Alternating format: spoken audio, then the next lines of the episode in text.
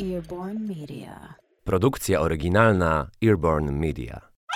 Mitologiczny sąd Parysa doprowadził do wojny trojańskiej. Nic dziwnego. Facet ma wybrać najpiękniejszą z trzech bogiń, a w szranki stają Afrodyta, Hera i Atena. No to po prostu nie może skończyć się dobrze. Oczywiście ja nie zamierzam zajmować się dzisiaj mitologią, ani wyborami Miss. Natomiast ciekawe jest, że określenie Judgment of Paris, tym razem w odniesieniu do Paryża jako miasta, a nie Parysa, występuje w świecie wina i określane tym mianem jest wydarzenie, które może nie spowodowało wojny, ale niewątpliwie odwróciło winiarskie siły na świecie. Więc w sumie efekt jak po wojnie, w której nieoczekiwanie wygrał ten, kto wydawał się bez szans. Był już odcinek o tym, jak to australijskie wina wbiły się przebojem na rynek europejski, a dziś o tym, jak Stany Zjednoczone utarły nos Francuzom i jak to się stało, że już w latach 70. Europa z niedowierzaniem i nieukrywanym zachwytem zaczęła sączyć kalifornijskie kabernety i chardonnay. Zapraszam Was na najbardziej niezwykłą degustację w dziejach wina. Sąd paryski. Nazywam się Izabela Kamińska i od lat edukuję o winie, a to są Dzikie Drożdże, opowieści bez filtracji o wszystkich wydarzeniach, w których wino brało pośredni lub bezpośredni udział. Judgment of Paris miał miejsce 24 maja 1976 roku w Paryżu oczywiście, w hotelu Intercontinental. I już wam wszystko wyjaśniam. Był sobie pewien Anglik, Steven Spurrier. Prowadził w Paryżu sklep i szkołę wina L'Académie du Vin. Jego klientami w sklepie i studentami w szkole byli głównie ekspaci. Nic dziwnego. Spurrier miał dość duży wybór win spoza Francji i uwielbiał dzielić się swoją pasją i miłością do wina, ale równocześnie nie składał hołdów wyłącznie tym produkowanym w kraju Asterixa i Obelixa, a to spore przewinienie, jak można się domyślić. Niemniej jednak Spurrier radził sobie całkiem nieźle, miał klientów oraz wiedzę, a z okazji dwusetlecia rewolucji amerykańskiej postanowił zorganizować degustację kilku win ze Stanów Zjednoczonych. We Francji oczywiście, w Paryżu. Natomiast, żeby ją zrobić, sam wraz z żoną pojechał do Napa Valley na zaproszenie swojej znajomej, znawczyni wina Jeanne Dupuy, która była później jego przewodniczką po lokalnych producentach. Spurrier chciał sam wybrać wina na swoją degustację. Kiedy już dokonał wyboru i zakupił wszystkie butelki, trzeba jeszcze było je przewieźć do Europy. Okazało się oczywiście, że sam nie miał aż tyle miejsca w walizkach, więc poprosił swoją przyjaciółkę o pomoc, a Dupuy w maju wybierała się wraz z, grupką kalifornijskich winiarzy do Francji, więc każdy ostatecznie wziął jakąś butelkę do bagażu i tak oto zestaw Spurriera znalazł się na miejscu. Podobno tylko jedna butelka zbiła się po drodze. Spurrier chciał pokazać francuskim krytykom i specjalistom winiarskim wybrane przez siebie kalifornijskie Cabernety i Chardonnay. Miała to być przy okazji promocja jego szkoły i sklepu. Stwierdził jednak, że ciekawiej będzie porównać je z francuskimi.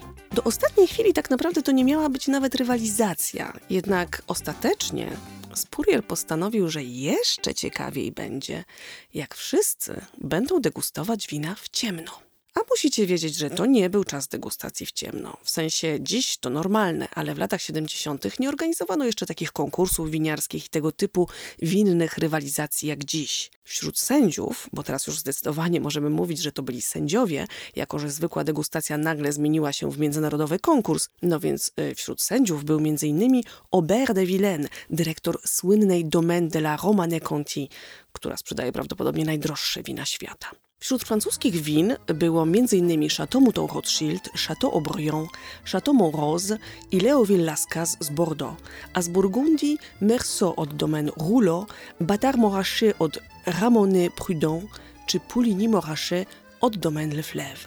Generalnie ciężkie działa. Zaś wina wybrane przez Spurriera w Kalifornii pochodziły od mało wówczas znanych producentów, zwłaszcza w Europie, a tym bardziej we Francji, która na wina z oceanu patrzyła z pobłażaniem. Uczestnicy degustacji nie mieli żadnych wątpliwości, że wina ze Starego Świata okażą się lepsze. W ogóle sam pomysł porównywania ich postrzegany był za totalne szaleństwo. Przecież wiadomo, nie ma to jak francuskie wina. Po co to w ogóle porównywać? Każdy w ciemno poczuje różnicę. No i faktycznie, Krytycy, sędziowie tę różnicę poczuli od razu. Pewnie i sprawnie oceniali wina, przyznając Francuzom najwyższe noty. Nawet podobno wzdychali z zadowoleniem, wkładając nos w kieliszek, który według nich zawierał Burgunda lub Bordeaux. Uznali, że degustacja jest zbyt łatwa. Od razu czuć było niższą jakość win z Kalifornii. Był tylko jeden problem. Wina, które uznali za dzieło swoich kolegów, wcale z Francji nie pochodziły. Kiedy Spurrier ogłosił wyniki, zawrzało. W obu kategoriach wygrali Kalifornijczycy.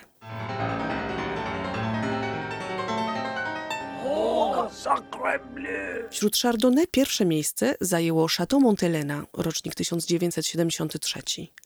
Trzy kolejne amerykańskie wina znalazły się w pierwszej piątce. Wśród win czerwonych na pierwszym miejscu był Cabernet Sauvignon ze Stack Sleep Wine Cellars z 73 również.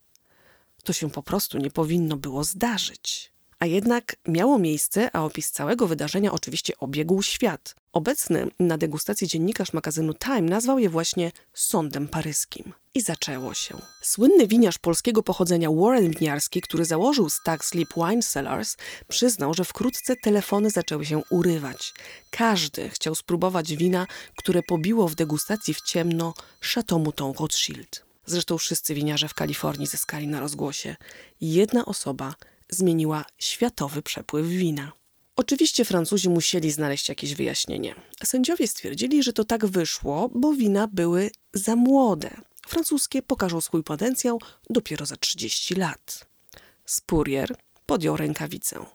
I tak oto 30 lat później, 24 maja 2006 roku, powtórzy Judgment of Paris z tymi samymi winami czerwonymi z tych samych roczników. Tym razem degustacja odbyła się w dwóch miejscach równocześnie w Londynie oraz w Napa Valley. Sędziowie byli międzynarodowi, w jury zasiadał m.in. Hugh Johnson i Jancis Robinson. Na pewno jesteście ciekawi, kto wygrał tym razem. Czy faktycznie francuskie wina potrzebowały 30 lat, który to okres z kolei spowodowałby, że kalifornijskie nie będą nadawać się do picia? Już wam mówią. Na obu kontynentach wygrało Rich Montebello, rocznik 1971. Tak, wino z Kalifornii. Znowu w dwóch niezależnych panelach.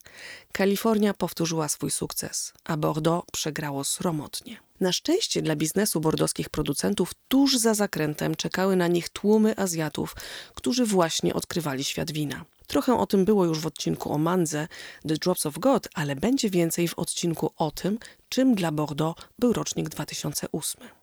Ale to już inna historia i opowiem ją oddzielnie. Na koniec cytat z jednego z wywiadów ze Stevenem Spurrierem dla The Times w 1977 roku.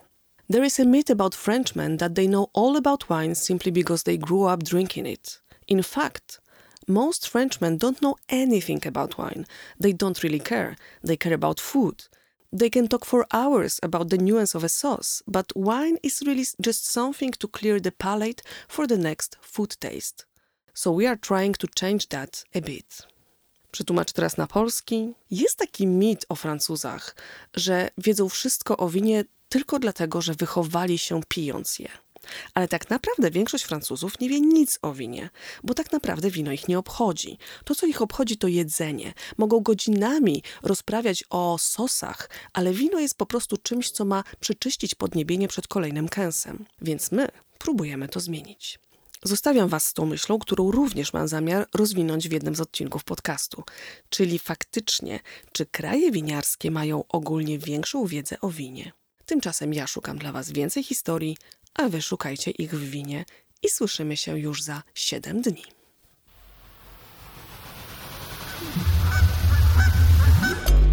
Earborn Media.